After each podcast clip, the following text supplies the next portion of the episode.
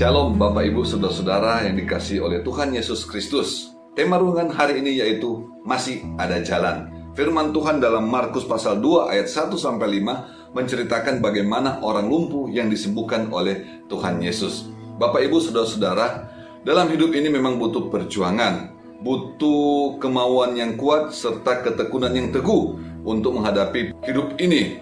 Namun sering kali dasar mengalami kegagalan beberapa orang memutuskan untuk berputus asa dan berserah kepada keadaan. Orang-orang tersebut beranggapan bahwa perjuangannya sudah berakhir dan semuanya sia-sia. Tidak ada harapan lagi, tidak ada lagi jalan keluar. Walaupun pada kenyataannya dalam setiap kondisi kegagalan selalu pasti ada jalan keluar, selalu ada jalan yang lain. Apalagi mereka yang mengandalkan Tuhan, pasti Tuhan akan memberikan jalan keluar. Jadi ayo tetap semangat ya, percaya kepada Tuhan. Tuhan pasti akan membuka jalan. Ayo bangkit dari kegagalan. Firman Tuhan hari ini menyampaikan kepada kita sesuatu hal yang sangat-sangat luar biasa. Apa itu Bapak Ibu? orang lumpuh bisa berjalan. Bukankah ini hal yang luar biasa? Ya, ini luar biasa. Kita aja kalau sakit ya, ya flu, batuk, badan meriang, setelah kita sembuh sehat kembali, kita sangat bersuka cita dan bersyukur. Apalagi ini orang yang lumpuh dan bisa berjalan. Bukankah itu hal yang luar biasa?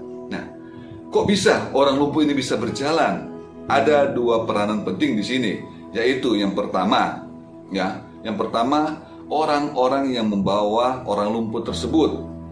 Apa peran mereka? Kalau melihat kondisi saat itu, rasanya nggak mungkin lagi ya ketemu dengan Tuhan Yesus, karena begitu banyak orang. Tapi mereka tidak putus asa, ya. Mereka berpikir keras gimana caranya supaya bisa ketemu Tuhan Yesus mereka tetap berfokus pada tujuannya. Dan akhirnya dapatlah solusi, dapatlah jalan keluar. Kata orang bijak, di mana ada kemauan, di situ ada jalan. Akhirnya mereka bisa membawa orang lumpuh tersebut bertemu dengan Tuhan Yesus dengan diturunkan dari atas atap. Atapnya dijebol dan diturunkan dari atap bertemu dengan Tuhan Yesus. Yang kedua, peran orang lumpuh tersebut Rasanya sudah tidak mungkin lagi orang lumpuh ini bisa sembuh, apalagi berjalan ya. Karena banyak halangan dan rintangan, sedangkan dia kondisinya lumpuh, tidak bisa berbuat apa-apa, dia hanya bisa mengandalkan teman-temannya. Mungkin yang bisa dia lakukan hanya memberi semangat kepada teman-temannya supaya tetap membawa dia. Ya. Tapi ada satu hal yang saya sangat yakin, yaitu bahwa orang lumpuh itu sangat percaya bahwa Tuhan Yesus bisa menyembuhkan dia.